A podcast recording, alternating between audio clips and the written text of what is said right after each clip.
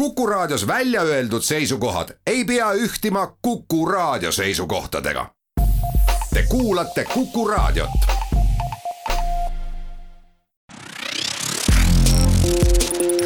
fookuses.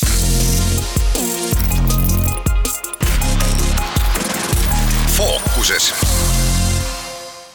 tere, mina olen Postimehe teadus- ja hariduskülgede toimetaja Mihkel Kunnus ja minuga on samas stuudios äh, Toomas Liivamägi, kes on Luina gümnaasiumi direktor ja Olev Must, kes on Tartu Ülikooli Haridusteaduste Instituudi psühhomeetria professor, on mul õigus? vanemteadur, psühhomeetria. vanem, vanemteadur, vanemteadur. ja täna on meil teemaks PISA ja PIAK äh, hariduse mõõtmine ja võib-olla ka õpetajate käekäik. ja eilses Postimehes siis fookuskülgedel oli mõlemalt külaliselt äh, üks ülevaateartikkel. ja ma võib-olla alustaks siis äh, härra Mustaga. Teil oli üks tees siis sihuke, et äh, PISA testid mõõdavad, no kas nüüd saab öelda rohkem äh, üliõpil- või tähendab õpilaste pühendumust, motiva-, motiveeritust või mis probleem selle PISA testiga on? no küsimus ei ole mitte ainult äh, PISA testis, vaid kõikides nendes äh, sooritustes, mis nõuavad pingutust. ja pingutuseks peab olema noh, motivatsioon ja kui motivatsioon võib olla üldse puududa, midagi te-, seda, midagi sooritada, midagi teha, on see siis füüsiline pingutus või vaimne pingutus, võib see, või see võib olla väga tugev et inimene selle nimel pingutab. PISA test kuulub nende hulka, kus inimese enda või õpilase enda motivatsioon on minimaalne või puudub üldse või on see kuidagi nagu kunstlikult loodud või mõjutatud ja see on nagu oluline, mida peab PISA testi puhul arvestama, et pingutused võivad olla erinevad, need võivad olla erinevad indiviidi tasandil, õpilase tasandil, aga nad võivad olla ka erinevad riikide ja kultuuride tasandil. see oli nagu oluline siis sõnum, et eh, PISA testi tõlgenduse puhul tuleb arvestada sellega, miks seda tehti ja, ja sellel miks võib olla noh, oluline tagajärg nendes tulemustes. Toomas. noh, kui ma lisaks siia juurde võib-olla seda, et, et äh, Äh, tegelikult on väga hea, et, et need PISA testid on olemas, sellepärast et äh, sellise vähegi arvestatava haridusandmestiku kokkuajamine on, on väga tülikas ja suur töö ja, ja seda tänuväärsem on see, et, et OSCD on selle ette võtnud. ja noh, loomulikult on neil metoodika Äh, taga, nad järgivad seda järjekindlalt ja, ja, ja neid tulemused on noh, on, on arvestatavad. aga ma olen, äh, olen Mustaga täiesti nõus, et tegelikult on, on selles andmehulgas tõenäoliselt asju, ühesõnaga, et PISA test mõõdab rohkem, kui, kui välja loetakse, välja loetakse, jah ja, ja näiteks need asjad, millele Olev Must praegu viitas, need kindlasti on seal sees ja, ja need andmed saab kätte ka. ühesõnaga, no et kõige muu hulgas või võib-olla isegi rohkem, ma ei oska nüüd öelda, mil määral, mõõdab ta õpilaste töökust, pühendumist ja kohusetunne oli see mm, termin vist, mida kasutatakse eesti keeles selle isiksuse joone mõõtmiseks noh, praegusel juhul see, millele ma artiklis ka osutasin, oli see mitte niivõrd isiksuse joonena äh, kuivõrd eh, see oli nagu kultuuri, kultuurijoonena või kultuuriruumist tulenevale eripärale, sest PISA testide puhul ja erinevate riikide puhul tuleb silmas pidada, et me kuulume protestantistlike kultuuride juurde ja, ja see vara ülesse ja hilja voodi ehm, on väga oluliselt mõjutanud, me oleme saavutusele orienteeritud kultuurist ja, ja siit võib tulla siis ehm, oluline oluline eripära. kõikide riikide ja kultuuride puhul saavutusele orientatsioon ei pruugi olla noh, niivõrd tugev ja niivõrd oluline. ma näen, et sul on kaasas üks, üks artikkel ja kui Toomas ütles, et see PISA test on väga hea, siis on, ma, ma näen siin kohe algaja ajakirjanikuna võimalus kiskuda üles konflikt. mis artikkel see on? See ei ole, noh, ta on avaldatud praegu artiklina, jutt on sellest, et see oli vist aastal kaks tuhat neliteist või kaks tuhat viisteist. Sadakond akadeemilist isikut kirjutasid avaliku kirja, kirja OECD-le, et lõpetada PISA, sest need tulemused on raskesti tõlgendatavad, need on raskesti mõistetavad. ja jutt on siis äh, ava, äh, avalikust kirjast Andreas Schleicherile, äh, PISA projekti juhile, et PISA projekt tuleks lõpetada, sest selle tulemused on raskesti mõistetavad ja tõlgendatavad, see on, see on see jutt sellest. et kas, kas võib, kas võib, et PISA, PISA test võib lausa kahju teha või? kui peaks lõpetama? no, ma saan aru, üks, no, asi on kasutu, teine asi on no, kahjulik. ma arvan, et Eestile on see kasulik olnud, kus tulenevalt sellest, kus kohas me ase, asut-, ase, asetseme tulemuste osas, aga me räägiksime äkki siis, et see on ja kahjulik, kui me oleks näiteks teises kümnes või kolmandas kümnes või seal on puht pragmaatiline aspekt, et äh, kindlasti on neid, äh, kes äh, peavad PISA tulemusi ebaõiglasteks nad ei mõista, kust need tulevad ja, ja selles on väga olulist argumentatsiooni. me räägime, et see on kasulik ja see on õige, sellepärast me oleme tipus. Eh, aga need, kes ei ole tipus, võivad rääkida teisiti ja ega me ei suuda öelda, mispärast me oleme tipus. aga Toomas, äkki võiks siis olla see, et tõlgendamine võiks muutuda? või Mina teised ka... maad võiks olla rohkem protestantlikumad ette kirjutada seda. seda me enam. seanaha vedajad keerata sinna ei saa.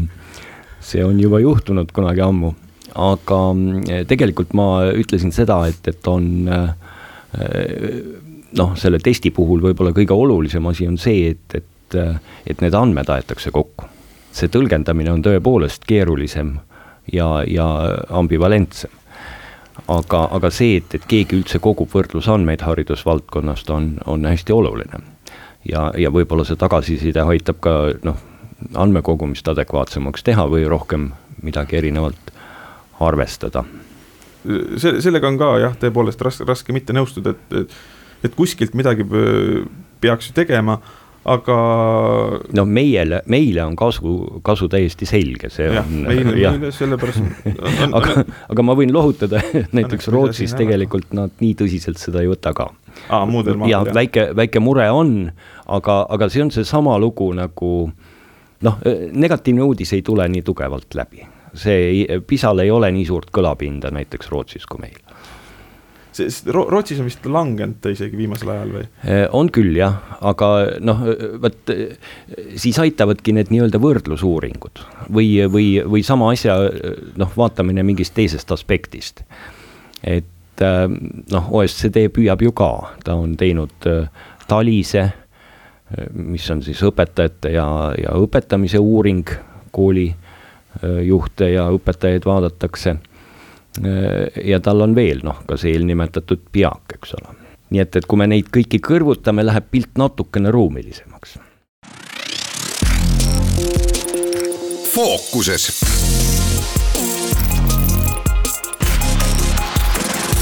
fookuses.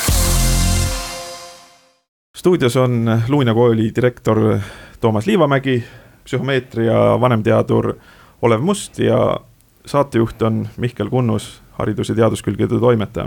me räägime PISA testist ja üks teine test oli veel, millega mõõdetakse siis õpetajate edukust või vaimset võimekust või mida?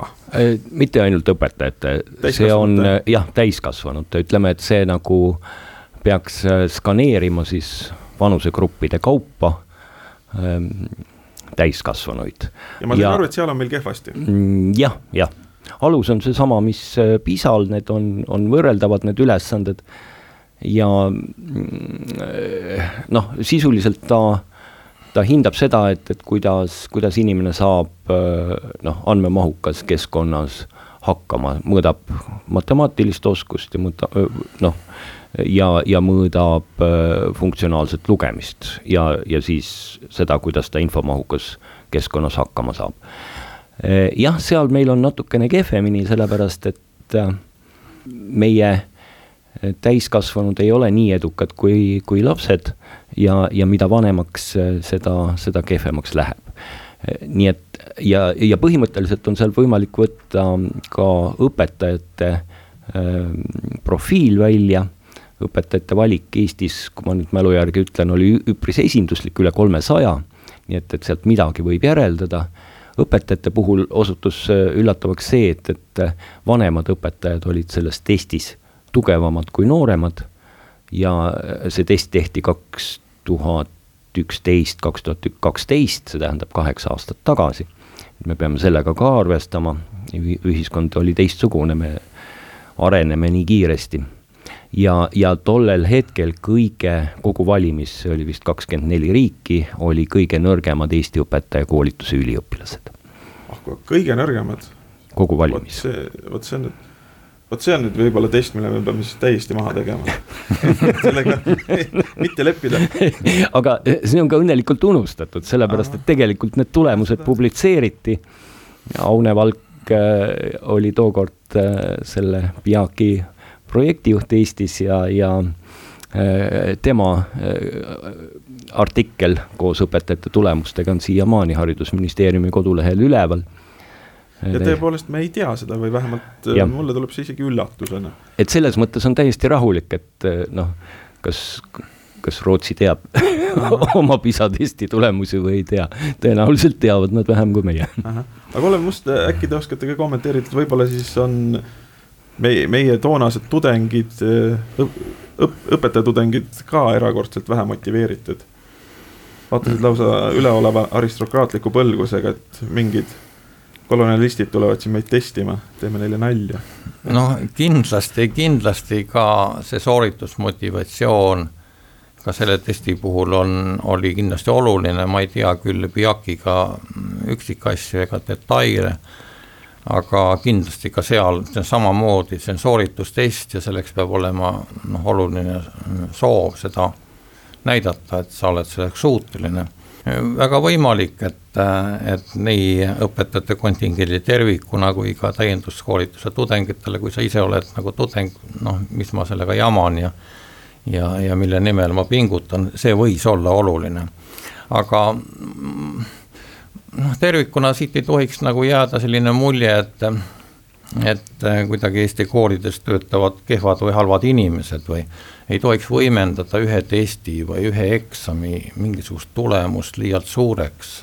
nüüd, kui vaadata, püüda sellest, ei tohiks nagu järeldust teha Eesti haridussüsteemile, sest Eesti on normaalne kultuurriik ja me ei näe ühtegi valdkonda, on see teadus või on see kultuur või on see majandus, kus me võiksime öelda, et Eesti tase või saavutused on kuidagi nagu haridus kammitses või pigem on kõik vastupidi. ja me peaks ütlema ka seda, et eh, kui vaat-, vaatame tulemusi, töö tulemusi, siis on Eesti õpetajate töö tulemused väga head. selles mõttes. nii, nii et seda tuleks nagu vaadata sellises eh, kriitilises raamistikus, et kas see tulemus, mis leiti, kas see on õige kas, kas me su-, suuda, võime sellele tugineda, aga me ei tohiks seda nagu kuidagi üle võimendada või öelda, et see on Eestis me tahame kindlasti, et see riigieksami tulemus on või mingi eksami tulemus on väga oluline, testi tulemus on väga oluline, nagu peaks äh, eelkõige silmas pidama reaalelulisi ekvivalente ja mitte selliseid äh, äh, noh, teadmata taustaga eksamite või testide tulemusi, neid ei tohiks liialt võimendada. Et ähm, mind muidugi ütleme, need teaduslikud metoodikad väga ei kammitse, ma võin äh, rääkida natuke esseistlikumalt, eks ole. aga minu, minu haridus ütleb seda, et, et siiski äh, isegi kui me ei saa nagu testi väga, väga tõsiselt võtta neid äh, üksiktulemusi, siis mingid dünaamikad on kindlasti olulised. ja, ja see, et, et kui tendents on ühtepidi ja mingitel juhtudel teistpidi, siis see kindlasti midagi näitab ja ega ma väidagi, et, et me peame absolutiseerima neid tulemusi, aga me peame kindlasti uurima. ja, ja ma arvan, et, et seda, seda võib ka täheldada nii-öelda muudest äh, faktoritest lähtuvalt ja isegi intuitiivselt või see, et noh, tõsiasi, et õpetajate järelkasvuga on meil probleeme ja kooli, koolid äh, lausa otsivad õpetajaid, ammugi mitte ei saa selekteerida, et valime parima. et see on, see tendents on küll ja ma ütlen siin raadiokuulajatele, et koolidirektor noogutab ägedalt seda kuuldes.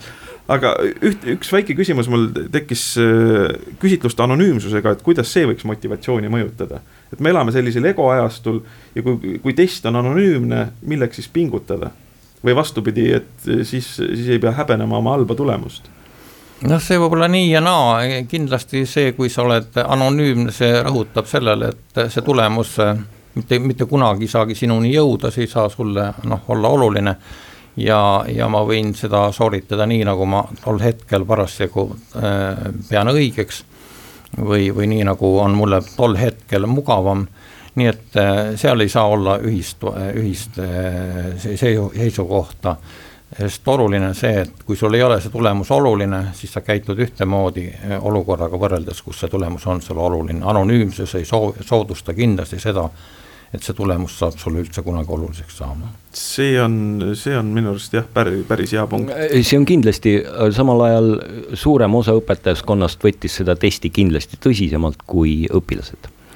jah, sest õp õpetaja peaks ju Ja. kohusetunnet nii-öelda ka ise õpetama. vaieldamatult. vaieldamatult siis ta no mis sealt PISA-st veel välja saab lugeda, tähendab, äh, seal on kuus taset ülesandeid esimene ja teine tase on äh, kõige lihtsamad, ehk siis nii-öelda soorituse tase või ärategemise tase.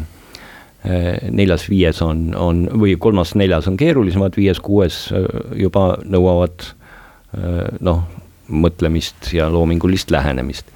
Nende viienda-kuuendaga me, nende tulemustega me oleme rahulikult kahekümnendal kohal kuskil nii et, et me ei hiilga eriti keeruliste ülesannete lahendamisega. Eesti lapsed teevad kõige paremini lihtsalt kõige lihtsamad ülesanded, nad teevad kontrolltöö ära. see on, see on oluline jah, ja ma arvan, et siit me lähme edasi, aga vahepeal teeme uudistepausi. fookuses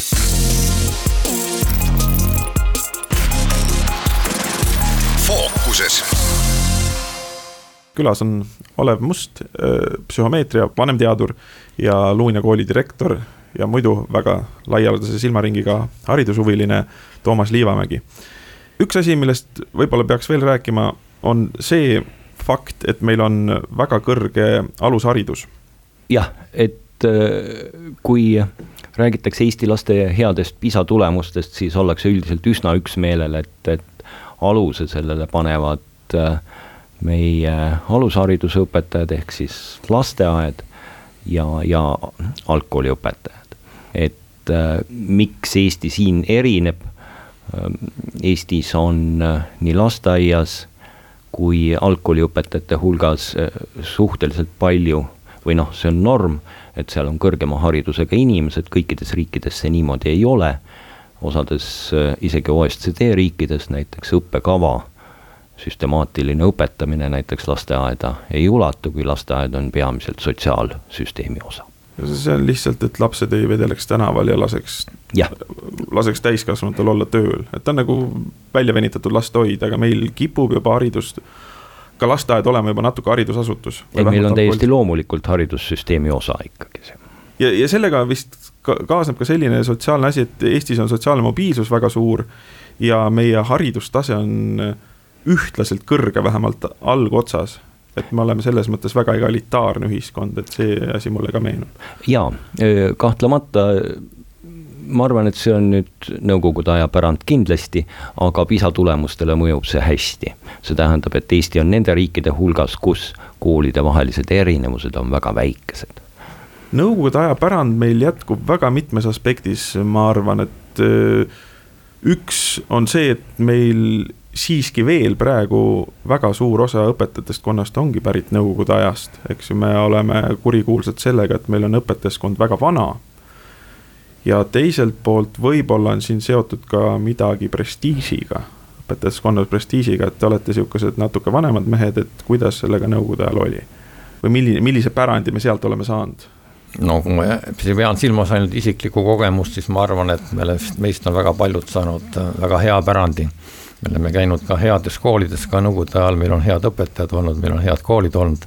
nii et kindlasti see nõukogudeaegne asi ei ole ainult, ei saa vaadata mustvalges, vaid äh, seal olid väga erinevaid varjundeid olid ja, ja mm, Eesti haridussüsteem, ka PISA tulemus on osalt mõjutatud ju sellest, et ähm, ka nõukogude ajal oli veel nii paljudel juhtudel ju neid õpetajaid, kes olid äh, hariduse saanud enne sõda ja kes kandsid edasi seda vaimsust, mis oli Eesti Vabariigis enne sõda. ja, ja tervikuna, kui ütleme, et PISA on hea tulemusega, siis ähm, ka nõukogude ajal ka, ka Eesti õpilased ja Eesti haridussüsteem oli nõukogude keskmisest selgesti üle, et me ei saa seda ka unustada, et et see ei olnud mitte Nõukogude süsteemi nagu eriline saavutus, aga ja Nõukogude süsteem ei suutnud nagu lõpuni purustada Eesti haridussüsteemi, mis oli varasemalt olemas, et Just. ka PISA kõrge tulemus praegu, me oleme järjepidevalt nagu kandnud üle haridussüsteemist seda vaimsust, mis oli selgesti olemas enne, enne, enne teist maailmasõda, mida Nõukogude süsteem ei suutnud tervikuna ju hävitada. Ja ka selle, selle valguses me peaksime hindama praegust, praegusi saavutusi noh, just nimelt ka enne mainitud luterlik pärand kindlasti ja seesama, mis on eraldi pikk teema muidugi, Eesti kool ja õpetaja olid autonoomsed juba esimese vabariigi ajal ja tõenäoliselt ka enne seda ja see kooli ja õpetaja suhteline autonoomsus tõi meid ka läbi, läbi nõukogude aja, noh, mul on raske tõestuseks tuua nüüd mõnda konkreetset uurimust siia alla, aga, aga see olemuslik autonoomia kindlasti aitas Eesti kooli nõukogude ajast läbi. samas, kui nüüd meenutada oma ülikooli aega, siis tõepoolest õpetajaks läksid pingeridade teine pool. Ühesõnaga lõpetajad, ülikooli lõpetajate pingeridade teine pool, ülikooli haridusega inimesi oli tollel ajal tõepoolest vähem, aga äh, ettevõtlikumad või, või äh, paremate tulemustega üldiselt hoidusid õpetajaametist. ja ma arvan, et see on, seda võiks isegi nimetada võib-olla tubliduse kultuuriks selles mõttes, et see, et sa pead olema tubli ja sa teed, teed äh, nii-öelda hästi ära ja kohusetundlikult ära need asjad, mis tegema peab. ja sellisest inimesest no saab iseenesest nagu suurepärase töötaja mingisse süsteemi, ta ei ole võib-olla väga e, nii-öelda initsiatiivikas, väga ettevõtlik, aga ta on tubli eks ju, see on tubli ja sellepärast ma panin oma kommentaarile ka sihukese provokatiivse pealkirja, et orjarahvast sünnib õpihiir. sest noh, õp-, õpihiir on, ma räägin kuulajatele ka, et see ei ole loomulikult teaduslik mõiste, aga nii-öelda õppejõudude hulgas on seda väga levinud ja see on ka läbi käinud, see on sihuke -hmm. loll, aga tubli Öeldakse, et eh, kuna ma olen, kuna, kuna ma olen ise ka õppejõud, siis mulle, pean, pean tunnistama, et need inimesed käivad mulle natukene närvidele, kuigi nad saavad väga, väga head tulemused, et see on. kui ma lähen hingestatult oma klassi, klassi või alustan oma kursust, mul on veel keskkonnaeetika kursus, sihuke kirglik teema ja siis need kohe esimesel, esimesel loengul ja tihti veel enne loengu algust tuleb Äh, õppejõud, mis ma, mis ma tegema pean, et arvestuse saaks, et ta küsib ära need, et mis on tema kohus, mis ta ära tegema peab, et siis ta on rahul, kindel, et ta teeb need asjad ära ja siis on asi korras. et teda nagu ei innusta see seesmine põlemine või tõeotsing või asjadest arusaamine, et, et see. ja, ja noh, see, see ei ole nagu tegelikult, ei ole kohane ette heita, sest nagu ma saan aru, tegu on nii, nii kultuurilise kui ka isiksuse psühholoogilise joonega on mul õigus? ei, kahtlemata jah, ei. et see ongi see kohusetundlikkus. see on see meelekindlus, mis, mis praegu, mis meie kultuur kannab ja, ja mis on nagu oluline. no mõnes mõttes peegeldab PISA test ka seda, et äh, arvestades sellega, et Eesti õpilased teevad kõige paremini. just et, pikem, esimest otsa, jah? jah, esimest otsa, lihtsamaid ülesandeid. ja, ja tõenäoliselt nende tublid õpetajad on orienteeritud sellele, et õpilased teeksid testi ära ühesõnaga, et abc peab olema kindlasti hästi selge. no see, seda, seda ideed ju kannab ka Lutsu Kevad, et kui sa ei jõua kogu, tee siis vähemasti pool ära, et. see, see oli hea õpetaja laur see oli hea õpetaja laur Tõ, tõepoolest, õpetaja laur on ju meil hea õpetaja prototüüp. ja ma juhiksin tähelepanu siin sellele, et õpetaja laur oli tegelikult väga autonoomne, ta ei olnud mingi köstri ripats või köstri tentsiks, kes jookseb köstri käske täitma. Ta oli sihuke hea leebe ja väga autonoomne. Äh, absoluutselt ja ma arvan tegelikult, et äh, jälle uskudes andmetesse, mis peituvad erinevate kohtade peal, mida me peaksime üles leidma. Ähm, Eesti kirjanduses on ebanormaalselt palju kooliromaani. see tähendab, et kool on ikkagi olnud tähtis ja, ja need õpetajakujud joonistatakse seal välja küll noh, Rein Rannapit, Mihkel Dixit hilisemast ajast. mulle meenub ka Marju Lepaja üks ettekanne, mis on ilmunud ka ühes akadeemias mõni aasta tagasi, kus ta rõhutab ka Eesti kooli erakordset pre prestiiži või, või õigemini hariduse erakordset prestiiži. ja ta toob sealt ka minu arust võrdlevaid uuringuid, on just see, et Eestis tõepoolest inimesed erakordselt palju usuvad haridusse. võiks öelda, et isegi see on sihuke luterlik, kalvinistlik kultuurispetsiifiline transformatsioon, et ei usuta niivõrd töö lunastavasse toimesse, vaid haridus kui selline iseenesest lunastab. jaa, see on jah, minu jaoks pisut ootamatu, aga väga, väga hea kujund. noh, jälle kord üheksateistkümnendal sajandil talupoegrahval oli üks väheseid võimalusi tõusta ühiskonnas mingile positsioonile oli, oli saada hea haridus. sealt tuleb see hariduse usk, sa pead õppima, õppima, õppima nagu hull ja kusjuures see tuleb ka meie, meie nii-öelda mitteametlikus eeposes ehk Tões ja õiguses välja. et kui vana Andres töötab nagu hull, tema usub veel töö lunastavasse -hmm. toimesse, siis Indrek äh, läheb kooli ja usub haridusse ja kusjuures seda ka soositakse, Hundipalu Tiit ütleb jah, kindlasti pane ta kooli isegi kui see toob talumajanduslikule käekäigule nii-öelda natuke kahju, kahju kaasa.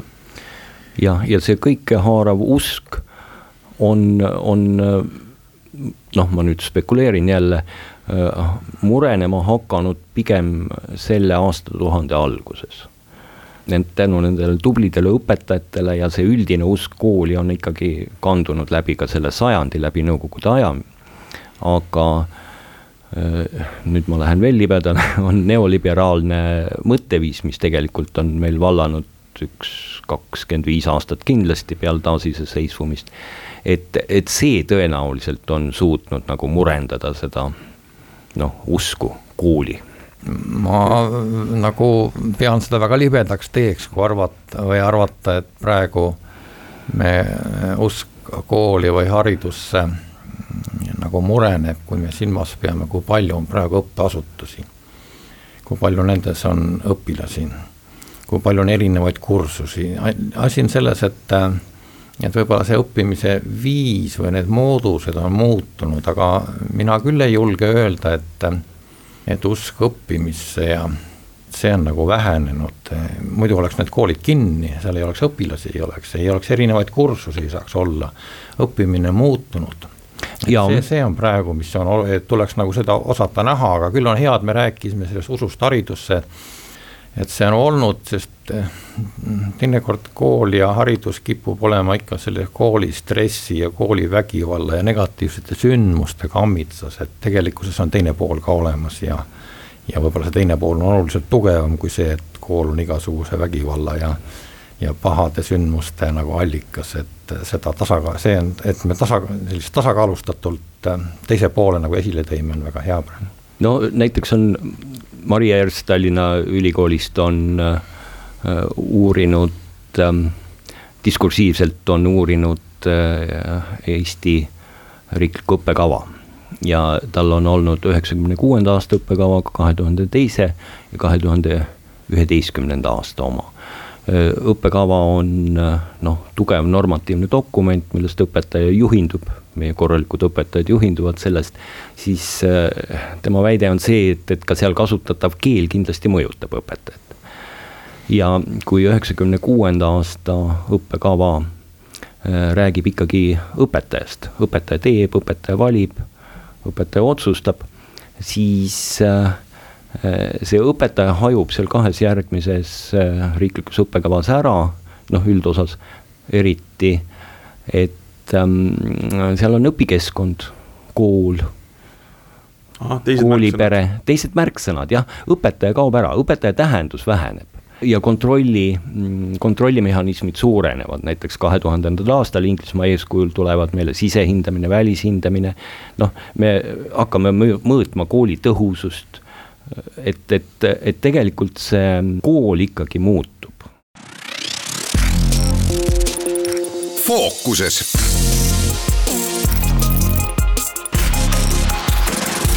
fookuses. stuudios on psühhomeetria vanemteadur Olev Must ja Luunja kooli direktor Toomas Liivamägi. viimases plokis ma tahaks käsitleda jälle üles kerkinud teemat, see on siis õpetajate palk või õpetajate järelkasv. ja kui me räägime palgast, siis noh, palk iseenesest jälle üks mõõdik kahtlemata, mis näitab väärtustamist. aga kuna me juba siin oleme ebapopulaarsete vaatenurkadega esinenud, üks on see, et PISA test võib-olla ei olegi väga hea test. siis teine asi, mis mind ennast on nagu küsima pannud, on see, et õpetajaks sobiv inimene on üsna spetsiifiline isikutüüp või peab olema, tõepoolest igaüks ei sobi sinna, maksa talle palju tahad. ja kui ma vaatasin Noored Kooli see oli siis mälest-, mitte mälestuste raamat, vaid kokkuvõte, et äh, siis ma arvustuse pealkirjaks panin siniseks löödud särasilmad. sest need noored õpetajad, kes läksid, neil oli see väga traumaatiline kogemus. väga traumaatiline kogemus, nad mitte, mitte just palga pärast, vaid see, et nad lähevad väga suure innustusega ja siis see reaalsus annab neile nagu labidaga näkku. et äh, Toomas, äh, kuidas sul õpetajate leidmisega on või kuidas sa seda teemat kommenteerid? no keeruline on jah aga Tartu külje all siiski täiesti võimalik. jah, aga Olev Must, et millised isiksuse omadused peaks olema või, või mis sellist motiveerib, et oskate te kuidagi anda siin mingit äh, hinnangut õpetaja psühholoogilise profiili kohta näiteks või vähemalt sobiva profiili kohta? oi, see on nüüd väga keeruline küsimus ja, ja ühe paguga siin küll ei suuda midagi, midagi mõistlikku öelda.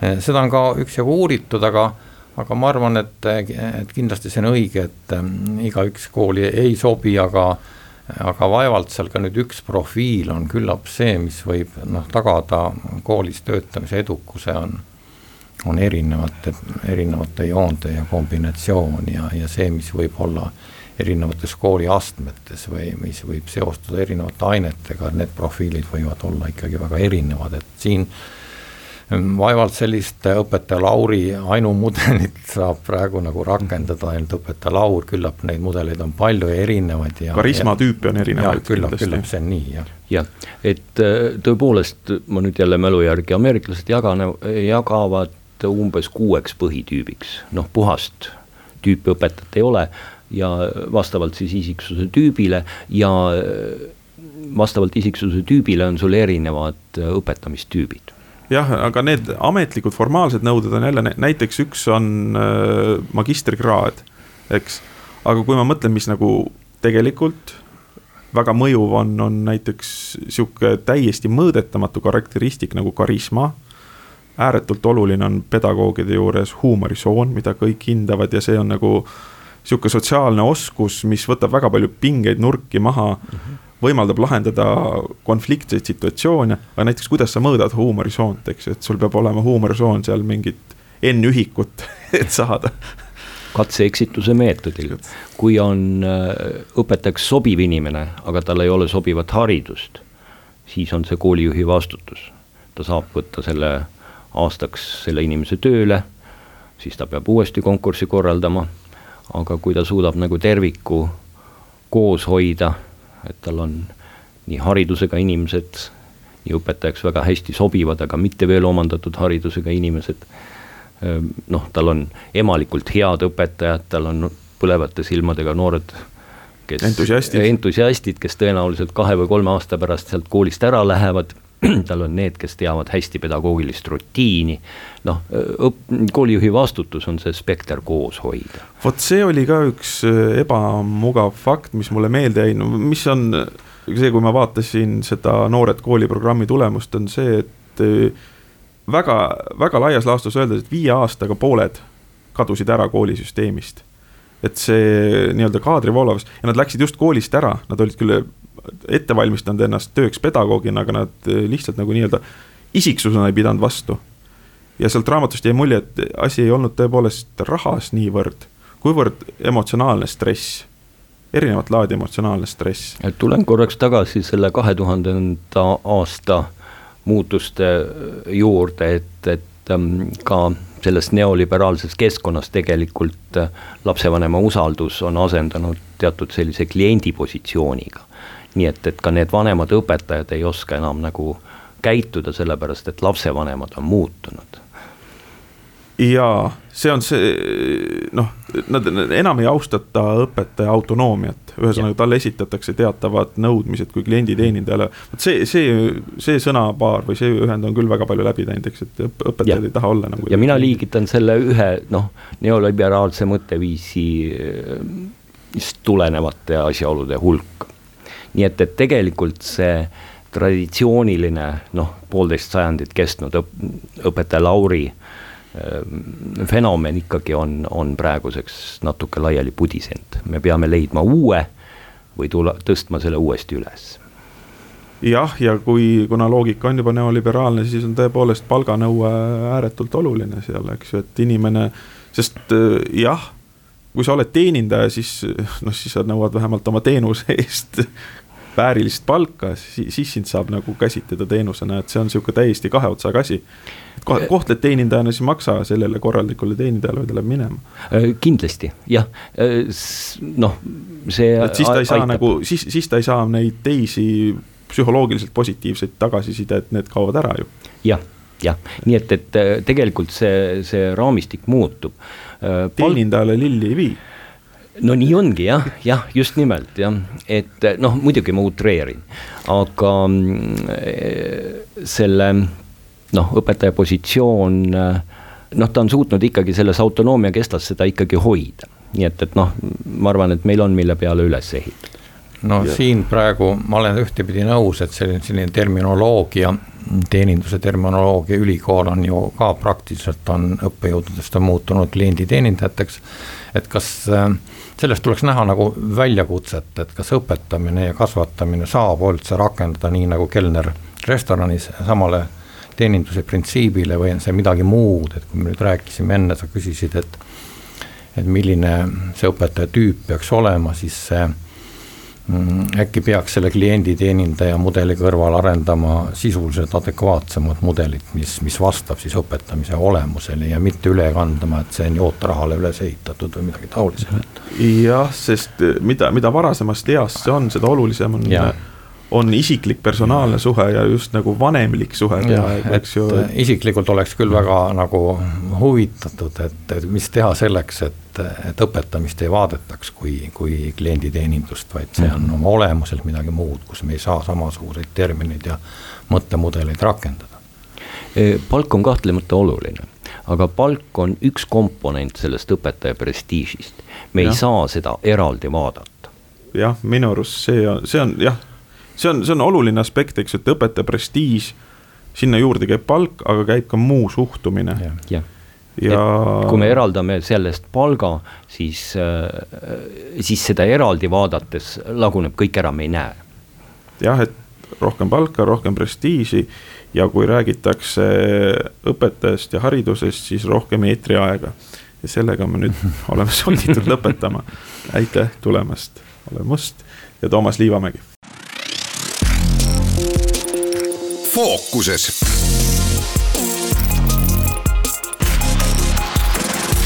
fookuses